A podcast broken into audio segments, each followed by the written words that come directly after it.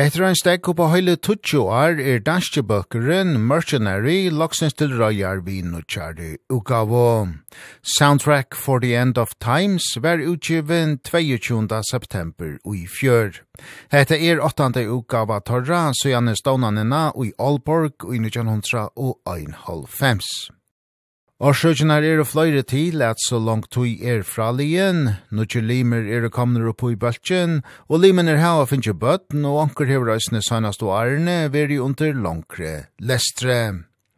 Og i samband vi at Soundtrack for the End of Times veri utgiven, her og vi finner året av sankaran og bassløykaran René Pedersen. René blei pastor av Mercenary i 2006 og loteker av fyra timer søgnast og ukavon Torra. Arne, vi koma til sjálva vittjerne av Soundtrack for the End of Times, gjever René okkunaina sjálta joknungongt av søvane tja mercenary fra stånanene i 1900 og 1905 og fram til ui dag. Jamen, uh, Mercenary er jo et, et, et, et gammelt band, kan man vist godt sige uden at... Altså, det er ved at være et, et band, man over på banen, og bandet startede jo ud som... Uh, som et døds thrash band, dødsmetal band faktisk i sin tid, og så blev det lidt mere thrashet og havde nogle elementer af noget Machine Head og lidt det eksperimenterede lidt med nogle forskellige nuancer.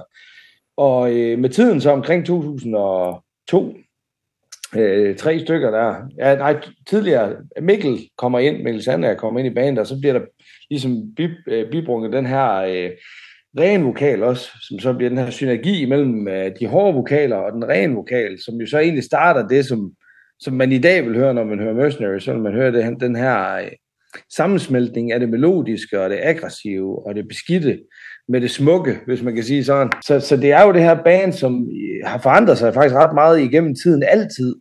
Øh, hvis du lytter til et, et Mercenary-album, så vil du altid kunne finde nogle elementer, som ikke eksisterede på albumet før eller efter, nødvendigvis.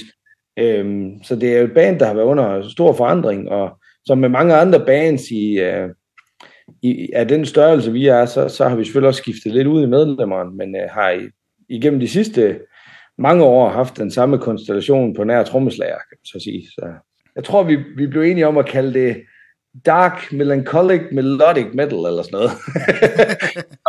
Ja, ja. vi har vi har været heldige og øh, og, og få lov at opleve en masse øh, spændende ting ja og og, og Mercenary har jo som band øh, været haft god medvind i, i sejlene øh, igennem årene op til Architect of Lies gik det særdeles godt og vi havde en masse øh, en masse gode ture og så en masse gode oplevelser. Arch Enemy spillede vi med, vi spillede med Megadeth og og så havde vi den her store øh, forandring i line-up'en her i 2000 og 9 var det, som jo så også gjorde, at vi ligesom lige måtte starte lidt forfra igen, altså i forhold til at, ligesom at genvinde, øh, den, altså overbevise folk om, at vi også stadigvæk havde en, øh, en vis berettigelse for at, og ikke bare stadig være hedemøsner, men også at det der med, at vi ligesom sådan fortsat med at lave musik under det navn, det er altid, det er altid en svær situation. Det er det både for fans og for bands. så øh, det har været hårdt, men det har også været rigtig sjovt at, at forsøge at, og sætte banen sammen på en anden måde.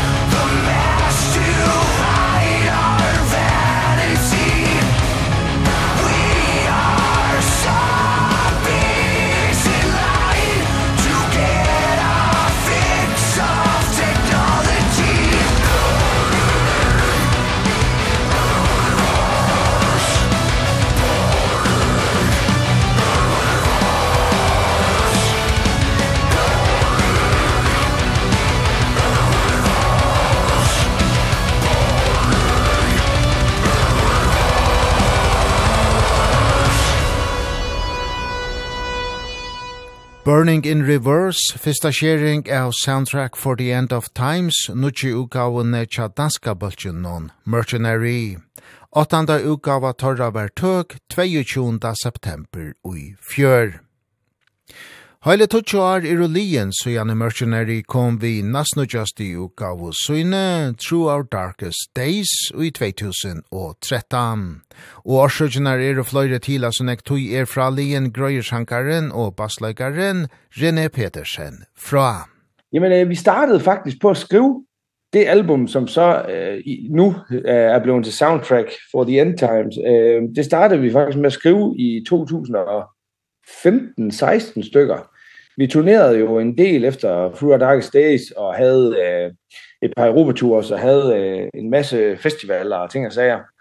Ehm og så i 2015 16 stykker begynder vi at skrive det som så i dag er blevet udviklet sig til at blive det album vi står med i dag.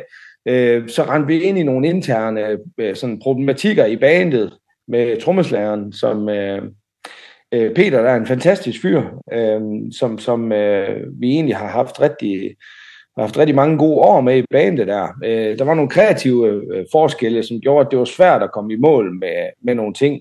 Og afstanden, altså Danmark er jo ikke stort land, men han boede i den anden ende af landet, og, og det med at mødes og øve og sådan ting, var lidt en udfordring. Så vi blev enige om at, øh, og, øh, og hvad hedder det, at, at skille veje med ham, Og, og så kunne vi faktisk ikke rigtig finde en fast trommeslager. Så når vi var ude og spille live, så havde vi stand-in trommeslager med. Øhm, men jo som så ikke var en del af, af den her, hele den her sangskrivningsproces. Så fik øh, Martin fik børn, øh, vores guitarist der, og øh, Jakob fik børn.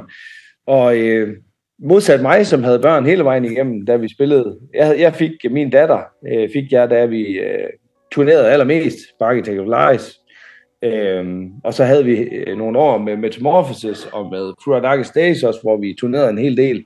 Så øh, så jeg kan godt skrive under på det er hårdt at tage fra sin familie, det er hårdt at tage fra sin sine børn, når de er små. Ehm og det havde de ikke så meget lyst til. Ehm da de lige, lige pludselig stod med de her to øh, øh Jakob har to piger, to skønne piger, og Martin har en pige. Ehm så så det gjorde tingene lidt udfordrende i forhold til at og, og, og dedikerer så meget tid til bandet. det. Og Martin har også taget en uddannelse i mellemtiden. Og, så vi har, vi har haft travlt med sådan at, og også at leve det her almindelige liv, kan man sige.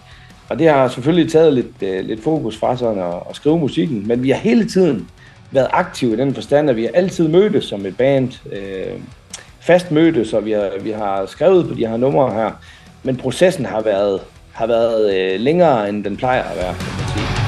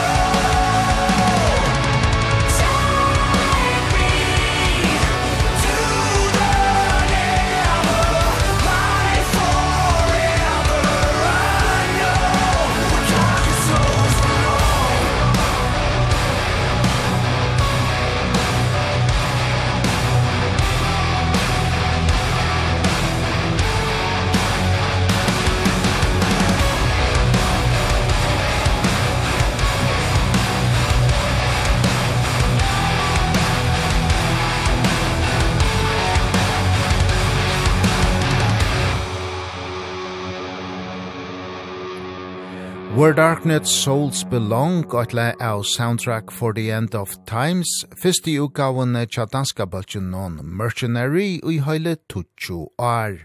Åttanda utgava torra var tøk 22. september ui fjør. Upptåget tilgångten til Soundtrack for the End of Times ser vi i ærvise enn undanfarne utgaven non tja mercenary. Undarfarne utgavnar er og flest atlar upptiknar og i non tja Jakob Hansen og i Ribe. Nutje utgavan er innspalt og i heima non tja non Martin Boos, som òsni hever framlagt utgavana, og så gjerne hever Jakob Hansen, Miksa og Mastra. René Petersen er sjankari og bassløygari og i Mercenary. Det jeg virkelig kan mærke på den her plade, det er, at vi har haft tid til at komme tilbage til nummerne det som, altså, processen på Throughout Darkest Days og også Metamorphosis, for den sags skyld, det var meget sådan, at du ved, at vi skrev numrene, måske 80 procent, nogen 90 måske procent færdig.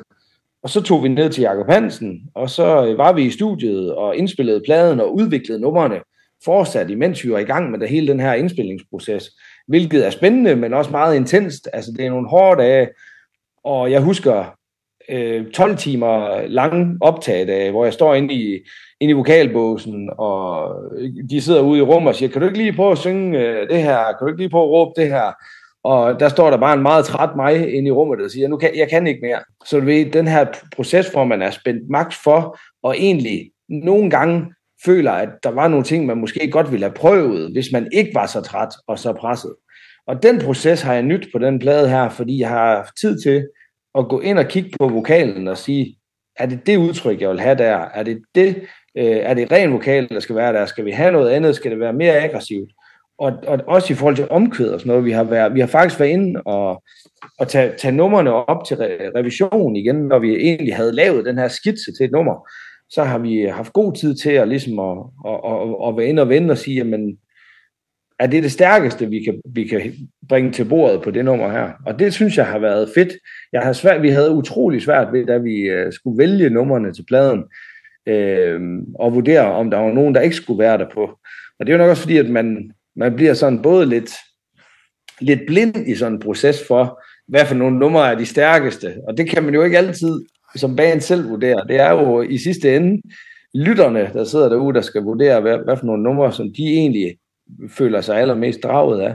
Men men det har været fedt at have tid til at vende tilbage til numrene Og så har det jo været spændende at følge processen på, en, på den her måde her. Komme ud i, vi har vores eget, eller Martin har sit eget studie nu, som vi jo så er øh, så heldige at, også bruge som øvelokale. Øh, og og det, det der med, at vi hele tiden selv har kunne, kunne, øh, kunne gå ind og kigge på numrene og indspille noget igen, og ikke, ikke være i et studie, hvor, hvor vi giver øh, mange penge i, i døgnet, ikke også? Så selvom vi vi kender Jakob og, og altid har været der, så, så, så er Jakob jo en utrolig dygtig producer, og det er jo klart, at hans tid er jo ikke gratis, så, så, så, så man har ikke lige tid til lige at være dernede i, i to måneder. Og så, øh, det har været en rigtig fed proces, og jeg synes, vi står med nogle numre, som er, som er bedre og stærkere, end de ville have været, hvis vi havde gentaget processen med at tage, tage studiet med, med numre, der var ufærdige. Og Jakob, han har, han, han som astret albumet, eller han har været inde over øh, Martin har, har indspillet og produceret det hele, og så har øh, Jakob mixet og masteret hele pladen, ja. Og der var vi også nede ved Jakob og, øh, og, og være en del af den her proces. Så, så vi tog ned til Jakob og var, og var med til ligesom at, at færdiggøre den proces i forhold til at blive enige om, hvilke elementer skal der være fokus på i de forskellige stykker og sådan noget. Så, så det, det har jo været dejligt. Vi, jeg tror ikke, at vi kunne undvære Eh det, kunne, det kunne vi ikke. Vi kunne ikke undvære Jakob Hansen i hele den her konstellation. Han er så stor en del af, at, at den mercenary-lyd, som man efterhånden er ved at kende ikke for, for vores plader. Øh, men jeg må sige, at altså, Martin øh, Tus der vores egen Martin, der har virkelig, øh, virkelig, virkelig, virkelig øh, lagt sig i selen. Han, han laver virkelig nogle fede ting, og, øh, og det har været fedt for mig også at lave vokal sammen med Martin. Martin er en utrolig stærk øh, altså han er utrolig stærkt øh, melodisk, og har nogle fede idéer til vokalerne også. Og der må jeg sige, at vores øh, samarbejde, også to i blandt, er virkelig noget af det, der også gør, at øh, harmonier og alle de her kor ting, som, som vi jo gerne går brug af, at det virkelig kommer op og, og spille. Mm. Fordi han har så godt et, øre, som han har. Så, så det har været en fed proces for mig at, at lave vokal med ham. Øh, det, det har jeg også nyt.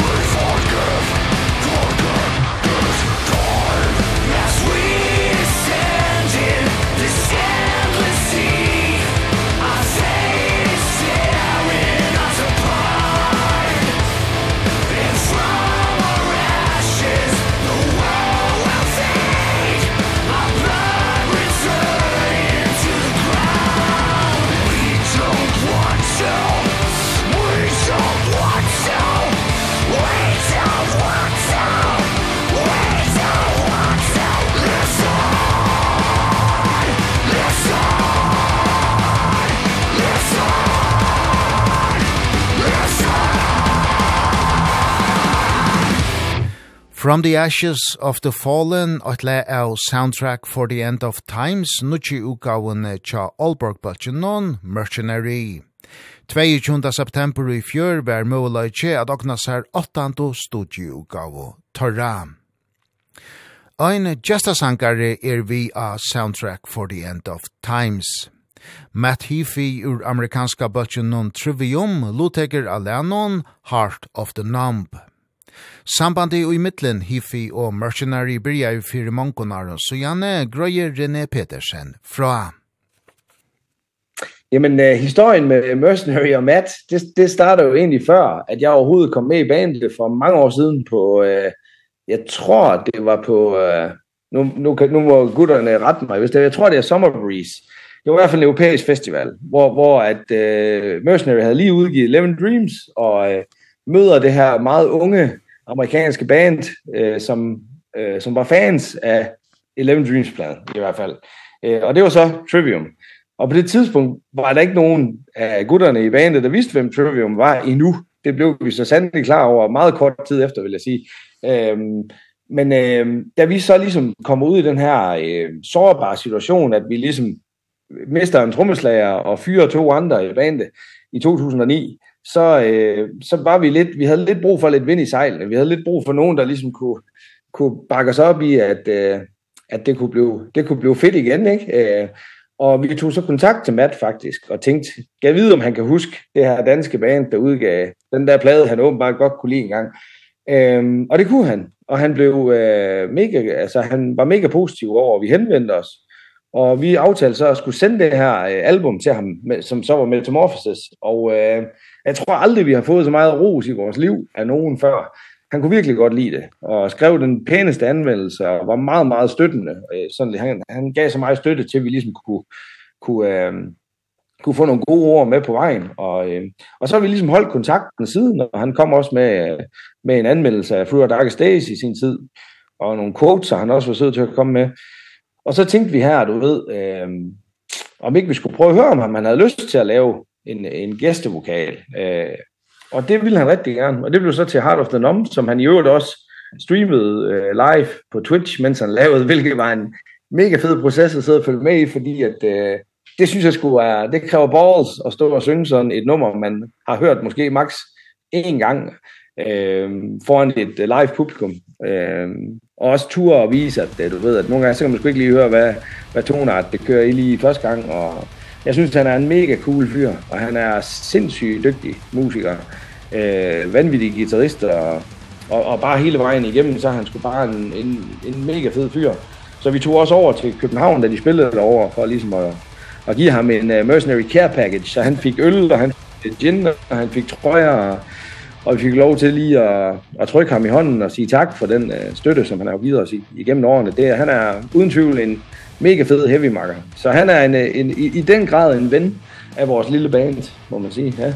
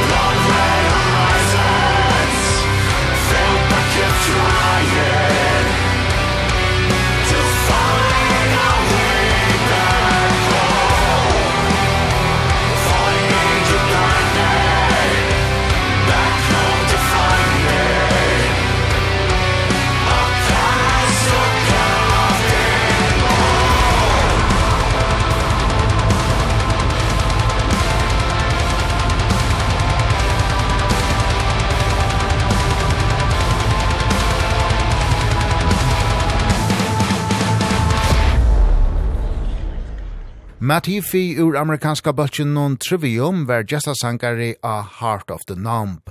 Leir vi anutsi ukaune tja danska bøtjen non Mercenary. Soundtrack for the End of Times var utgiven 22. september. Og i sendingsni og i kvöld tåsa vit vi René Petersen, sangaran og basslagaran og just Mercenary. Altså vi kommer til tekstene på albumet. Er det et tema eller, eller et konsept? altså jeg vil sige tematikken i til dels, altså, som også man kan høre på Anthem for the Anxious, er jo det her med, du ved, at jeg tror, man, man kan genkende det til det som forældre generelt, som, som menneske i de tider, vi lever i lige nu, at, at man godt kan være lidt bange for, hvor det bærer hen af. Ikke, jeg siger ikke, at det er ikke, det er ikke dommedagsprofetier, men, men jeg tror, det er frygten. Det er derfor, at de har ikke man skal kalde det skræmmekampagner, man ser i fjernsynet, men, men der er jo mange, der sker mange ting, og vi skal selvfølgelig også være bevidste om, at at hvis der er nogen, der slår en prut i den anden ende af verden, så ved vi det også fem sekunder senere. Det gjorde vi ikke i 1988, eller hvad nu, øh, når jeg, altså 82 blev jeg jo født i. Dengang hørte man ikke alt det her. Øh, så, så der er jo sådan lidt sådan øh, state of panic ikke, på mange punkter i, i nyheder og sådan nogle ting.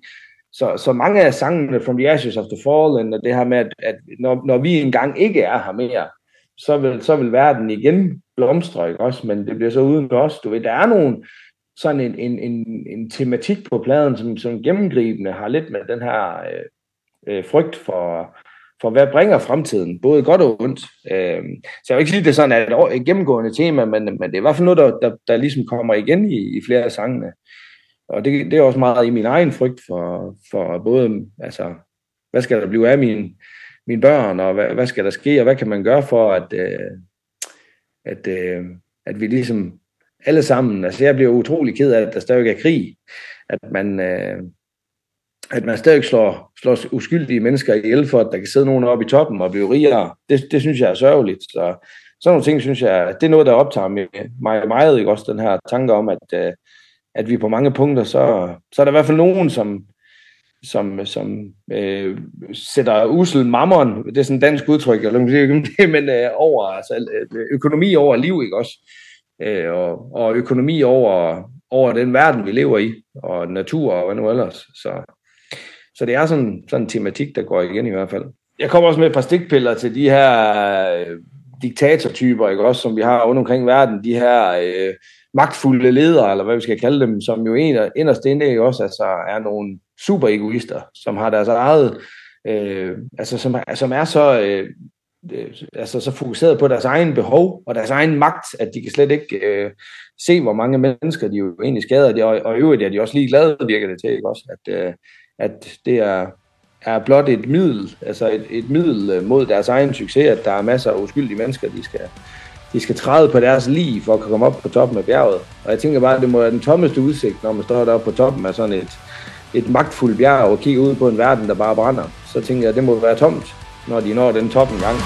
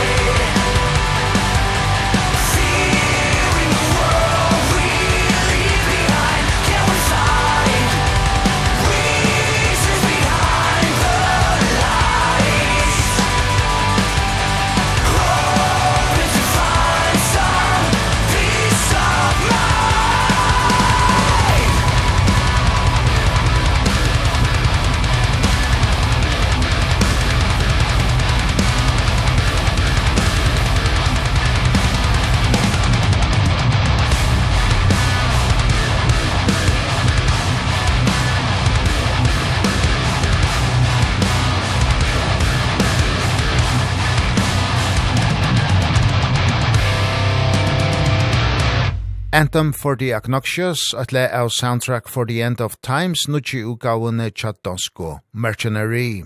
Fyrste utgava torra ui høyle 20 år var utgiven 22. september. Hetta er åttanda utgavan tja Mercenary og sangaren René Petersen heldur at tonlagalia høyra vid okkurs attur fra fyrste utgavan non som var i utgivnar fyrst i hese. Altene. Altså, vi har, vi har uden tvivl taget det op i helikopterperspektiv den her gang og tænkt, hvad er det, som, som øh, på et tidspunkt, ikke bevidst faktisk, men på et tidspunkt blev vi en lille bitte smule bløde i kanten. Øh, hvis man lytter sådan til, ikke fordi de er aggressive elementer, er jo til stede på både Metamorphosis og Through Darkest Days, men hvis man kigger på, hvor Mercenary startede, så var det jo faktisk dødsmetal, ikke? Det var jo faktisk growls, der var den primære vokalstil, det var tunge riffs, det var mørkt, det var beskidt, Og det tror jeg, vi på et eller andet tidspunkt mistede en del af det der. Og om det var, fordi det var det, vi havde behov for på det tidspunkt, det tænker jeg jo, det var, fordi som jeg siger, jeg skrev til en, til en, til en fan på vores Facebook også, det der med, at vi skriver, vi skriver det, der falder os for hjertet. Det er ikke sådan, at vi sidder og prøver på at konstruere noget. Vi sidder ikke og, og forsøger at, at lave noget, som lyder som noget andet, eller det er meget den her med, at du ved, den her... uh, øh, følelsesflod, der ligesom vælter ud igennem hænder, og, og, og når jeg synger noget, så er det ofte det første, der, det første melodi, der kommer, der kommer øh, der falder mig for hjertet, når jeg hører et riff, og så, og så arbejder vi videre derfra, og, og så har vi selvfølgelig også gået ind og kigget på, hvad er det for nogle elementer, som, altså jeg, jeg var jo ikke mere end, tror jeg var 14 år, da jeg hørte Mercenary første gang. Og det var jo sådan et, et lokalt band, som, øh, som jeg synes var super spændende og havde en fed lyd og, og skilte sig ud, fordi det var langt mere professionelt end alle de andre bands, der eksisterede, synes jeg, på det tidspunkt her i Aalborg. Ikke? Der var Nemec, og så var der Mercenary. Øhm, Og så var det jo, der var selvfølgelig også andre behind the curtain, og nogle lidt andre nogen. Som, altså, men der var, der var en lille scene af, af meget dygtige bands, og så var der alle vi andre, som væltede rundt og drak bajer og spillede helt af helvede til. Øh, så jeg blev meget fascineret af, af Mercenary, og, øh, og det, det som jeg godt kunne lide, altså mit, mit favoritalbum, det lyder, men altså før jeg kom med, der var mit ultimative favoritalbum, det var Everblack. Og jeg synes jo, de elementer, der er på, som jeg elsker allermest, det er de der beskidte growls og skrig, og den der aggressive, melodiske side der. eh og det krall han ligesom kunne det der med at, at nuancere sin, sin growls på den der måde der. Og det har jeg tænkt meget over, eh at den form for vokal, kunne jeg godt tænke mig, var mere til stede i vores lyd. Og det er også derfor, man kan høre langt flere growls på den plade her. Det er fordi, at, at det element elsker jeg, eh fordi så synes jeg altså kontrasten mellem de høje rene vokaler og og de mørke og beskidt bliver langt mere lækker at høre på end hvis det bliver sådan lidt sådan en øh, jeg har jo den der jeg ved ikke hvad for sådan en klassisk melodi der råber tror jeg der nogen der der differentierede den samme du ved den der sådan lidt en blanding imellem noget noget Melodeath og sådan noget Phil Anselmo og hvad nu ellers, vi alle sammen er inspireret af, når man er født i 80'erne, ikke? Så er det jo, så er det jo de der, Rob Flynn er jo vokset op med, ikke? Og, Eh, ja, og Phil Anselmo, og hvem nu ellers, James Hetfield, og det kan man i den grad også godt høre på uh, Black Brigade for eksempel, at jeg har hørt rigtig meget Metallica. Men, uh, men det er der med, så, så, så vi har i hvert fald været op og ligesom at tænke over, hvad er det for nogle elementer, vi hver især godt kan lide fra de plader, som, som, som bandet har udgivet. Og så har vi ligesom, ligesom bare skrevet ud fra de her uh, altså følelser, som vi så har har bragt op i os selv ved at snakke om det her, og, og det har været mega fedt, fordi altså, når jeg hører de numre på pladen, som er allermest aggressive, så smiler jeg bare. Altså, jeg bliver simpelthen så glad, fordi jeg tænker, det har vi fandme, det har vi sgu mangle. Vi har med mangle de der sange, der bare sparker, altså bare som er sådan en, en kærlig knytnæve lige ud af ansigtet af den, der, der, der hører pladen, ikke? og tænker, de kan sgu godt stadig ikke være sure, de der mercenary gutter der. Ja. Så, så, så det, det har vi i hvert fald, det har vi bevidst ehm snakket meget om det der med, at der, der skal også være noget, noget øh, dødsmetal tilbage i, øh, i Mercenary. Så. og så nu blev albumet så released. Hvad skal der nu med Mercenary? Skal det ud på, på turné, eller...? Jamen, øh, som, som planen er lige nu, så, så har vi jo en, en, en meget lille Danmarkstur. Vi har fire datoer i, i Danmark nu her. Vi spiller i, øh, i øh, København, Aalborg, Horsens og Odense. Og så er planen at vi at vi tager på noget Europa eh halløj næste år. Og der er stadigvæk ikke sådan helt der er ikke sådan helt fastlagte datoer endnu, men øh, vi skal afsted med et band som også er er sådan et et, et lidt ældre band øh, som som sådan cirka størrelsesmæssigt ligger på øh, på på højde med os, eller kan man sige eller eller lige så lavt, det ved ikke hvad det kommer an på, men Men, øh, men, og det bliver noget co-headliner. Øh, og så har vi noget, øh, nogle flere danske datoer senere næste år. Og så stiler vi også efter noget... Øh, jeg ved, der er noget Spanien i, i kikkerten også. Og så håber vi selvfølgelig på en, en masse festivaler næste år. Så, øh, så det er sådan lidt det, der sådan er planen nu. Vi, vi, vi er alle sammen enige om, at, at det der med at tage to og en halv måned i, øh, i uh, Nightliner og sådan noget. Det, det, det er vi færdige med, tænker jeg. Men mindre det er Metallica, der ringer eller et eller andet, og vi får en rigtig god pris, så med dem, så, så, så tror jeg ikke, at vi... Uh, vi elsker at spille musik, og vi elsker at spille musik med hinanden, og vi elsker uh, hver evig eneste person, der sidder ude i verden, og stadigvæk har lyst til at lytte til Mercenary. Uh, og det er vi dybt taknemmelige for, og derfor spiller vi stadig musik, fordi vi kan ikke lade være men vi er også blevet for, for magelige og for gamle til at, eller så gamle er vi jo ikke, men øh, du ved det med, at vi, vi har ikke lyst til at leve i en, øh, i en bus i to måneder. Ja. Så, så på den måde, så er vi ikke, øh, vi er ikke sådan mega sultne for at skulle spille øh, tre måneder lange ture så, og 40 koncerter i streg og sådan noget, men, øh, men vi glæder os til at komme ud og spille, og vi vil forsøge at komme så mange steder hen som overhovedet muligt, så de folk, der gerne vil høre os, også har mulighed for det. Det vil vi gøre alt, vi kan for. Så, så vi håber også på, at nogle af de spændende tilbud, vi har talt med, med nogle booker om igennem tiden, at de også øh, stadigvæk er aktuelle, ikke også? At der, der sidder nogle booker derude, der, der er friske på at, at få besøg af Mørsmøller.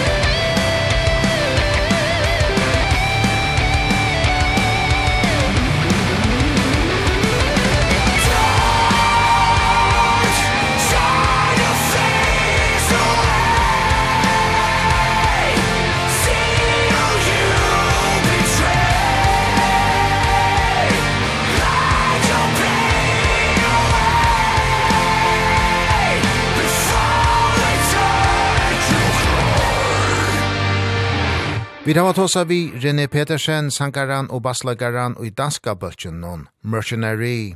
Vi tåsa vi om Soundtrack for the End of Times, som er fyrsta utgava torra og i høyle 20 år. Vi spalte oisne Florilu Elvis i 8. utgaven Tja bøtjen noen ur Aalborg, og nå til søgnast har du vid Blackheart Dead Tissue.